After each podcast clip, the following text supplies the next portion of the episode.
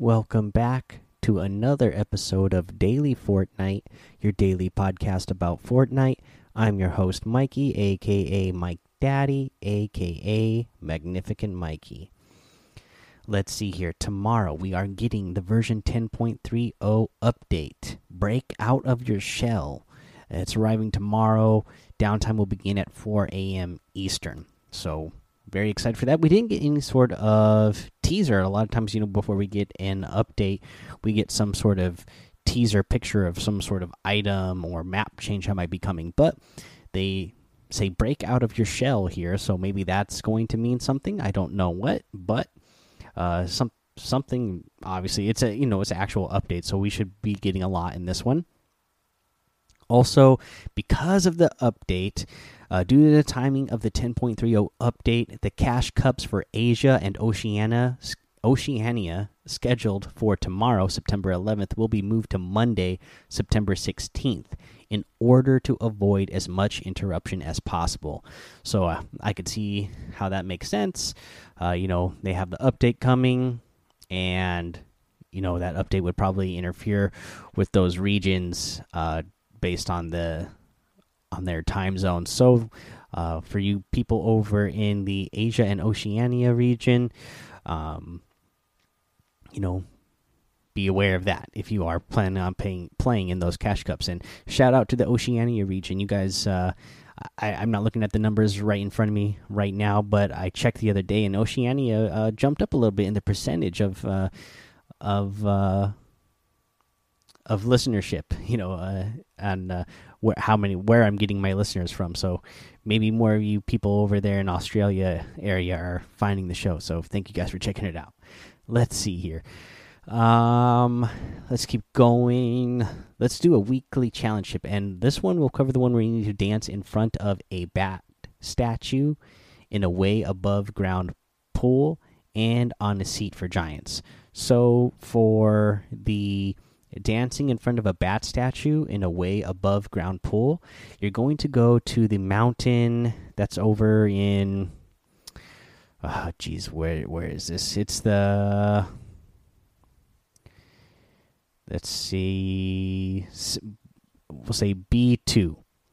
There's that uh, mountain that's behind behind haunted hills. So and it's like it looks like. Uh, a big castle that's all broken down. Uh, that is where you're going to find the bat statue, and you'll just dance in front of that. And then for the uh, dancing on a seat for giants, that is going to be all the way over in D8.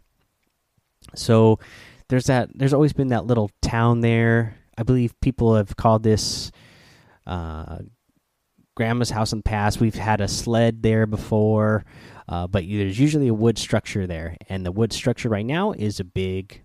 It's a big seat for giants, and so just land on top of that, and uh, you know, dance on it and that's how you're going to get that challenge done. Also, a little bonus one. This is for the prestige. This is where you need to deal damage to opponents after you boogie bomb them.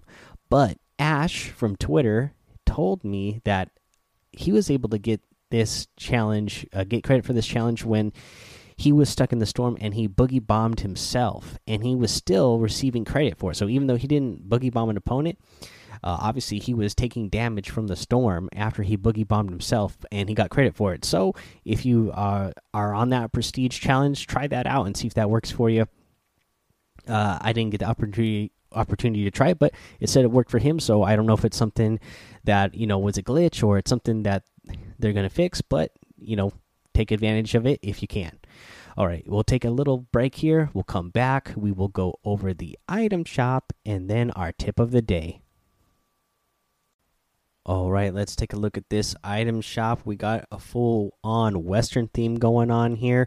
We have the Dead Fire outfit, which you know I've always loved because I love the whole reactive theme that it has, and I love the shackled stone back bling that it comes with.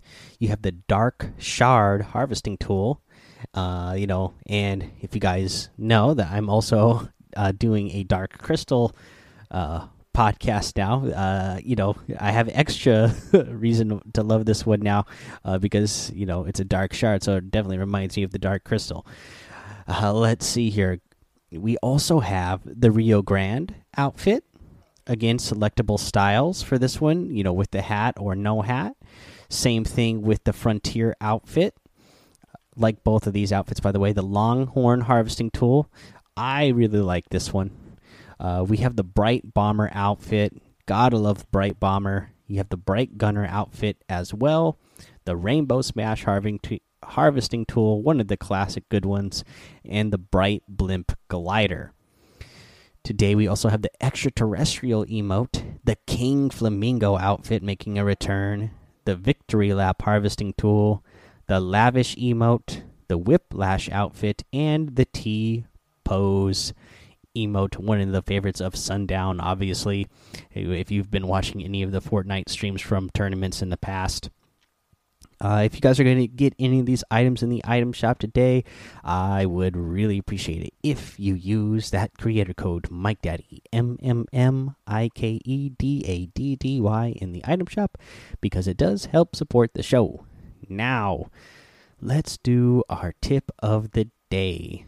So, for this one, I'm going to say uh, don't stop shooting uh, when when you are when you are retreating around the corner because I notice a lot that again remember you know it's a right right hand camera that we have in Fortnite so I make this mistake all the time where I will be in a position where I need to retreat so especially this happens a lot in a hot drop at the beginning of a game you know you don't have great weapons. So you run around a corner and you're waiting for your opponent to come around that corner.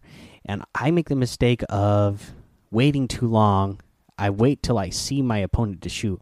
What I'm going to suggest here is just start shooting and keep your aim close to that edge. That way, if you're because your opponent's already probably going to have, if you ran around a corner uh, and hid, at this point, you're probably not in a great position uh, to to land a shot on him. So they're most of the time they're going to have the advantage if you run around a corner and try to hide because most of the time they're going to have an advantage of having a right hand uh, camera angle.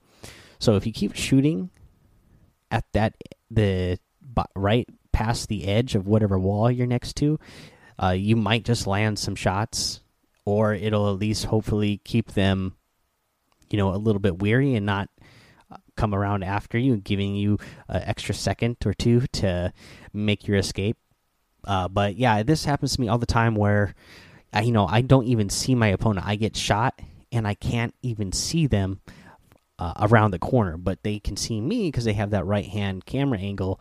Uh, and if I would have just been shooting, you know, I might have been able to land a shot on them, or it might have just, you know, kept them away for an extra second. So I could have, you know, maybe you know either build something or give myself an extra second. Uh, like i said especially if this is the beginning of the game you don't really have any materials yet it might just give you that extra second to harvest enough materials so at least build a ramp.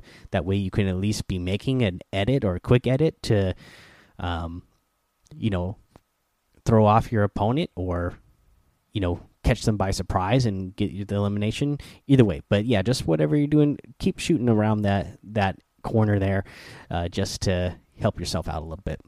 All right, guys, that is the end of this episode. So head to the Daily Fortnite Discord. Follow me over on Twitch and YouTube. Head over to Apple Podcasts, leave a five star rating and written review for a shout out on the show. Subscribe so you don't miss an episode. And until next time, have fun, be safe, and don't get lost in the storm.